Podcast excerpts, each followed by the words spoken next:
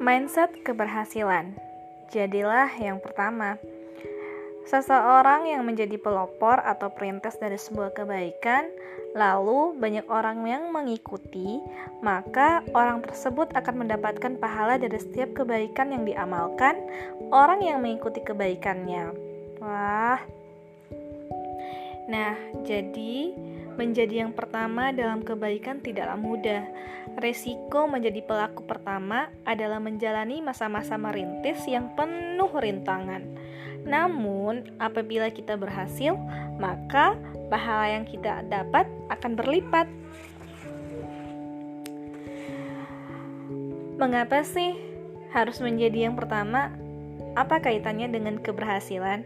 Baiklah, pertama, jika ada pertanyaan tentang siapa Bunda Hadijah, maka semua orang insya Allah mengetahui bahwa beliau adalah istri Rasulullah yang pertama. Namun, Siapa sih istri kedua, ketiga, dan seterusnya? Kita masih perlu berpikir lagi. Begitu juga dengan Bunda Aisyah. Mereka, mengapa nama beliau begitu populer? Karena Bunda Aisyah adalah satu-satunya istri Rasulullah yang berstatus gadis ketika beliau nikahi. Bunda Aisyah juga istri Rasulullah yang paling cerdas, sehingga mampu menjadi penyambung hikmah untuk para sahabat dan kaum muslimin. kita mengenal Sayyidina Abu Bakar sebagai laki-laki pertama yang masuk Islam. Yang kedua, ketiga, keempat, dan seterusnya, kita perlu membuka buku sejarah kan? Kita mengenal Sayyidina Bilal bin Rabah sebagai pengumandang azan yang pertama. Yang kedua, ketiga siapa? Apakah kita tahu? Syahidah pertama dalam Islam adalah Syahidah Sumayyah. Syahidah berikutnya siapa lagi?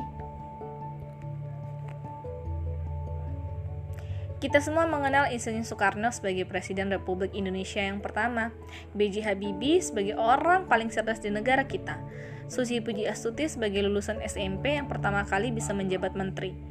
Orang-orang yang menjadi pelopor akan selalu diingat dan diikuti jejaknya, sebab mereka adalah inspirator bagi banyak orang. Ingatan kita pada pelopor pertama berbeda dengan yang pelopor yang kesekian kali.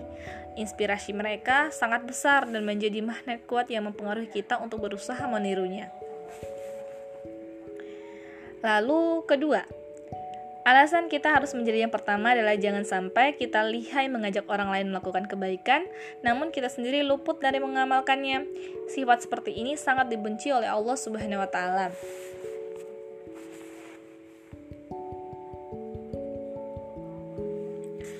Jika kita seorang dokter yang menyarankan pada para pasien untuk hidup sehat, maka kita yang pertama kali harus memberikan teladan. Jika kita adalah guru yang menghendaki murid-murid rajin belajar, maka kita harus menjadi guru pembelajar. Jika kita menginginkan anak-anak kita menjadi pekerja keras, kita pun harus mencontohi mereka dengan kerja keras. Jika tidak, kita hanya pandai omdo alias omong doang, alias tong kosong nyaring bunyinya.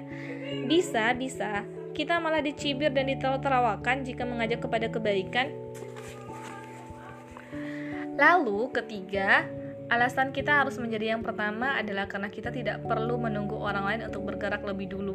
Semakin cepat kebaikan dilakukan, akan semakin cepat pula buah manis yang kita petik. Kita bisa memastikan apakah orang lain mau bergerak atau tidak. Karena itu, kita tidak bisa berspekulasi menunggu orang lain bertindak lebih awal. Di mana pun kita berada, mari menjadi yang pertama, Tak perlu harus melakukan sesuatu yang muluk-muluk. Banyak hal sederhana yang bisa kita lakukan, yang nantinya memberi manfaat besar apabila menjadi habit bagi orang banyak. Oke, okay, thank you podcast hari ini. Semoga bermanfaat.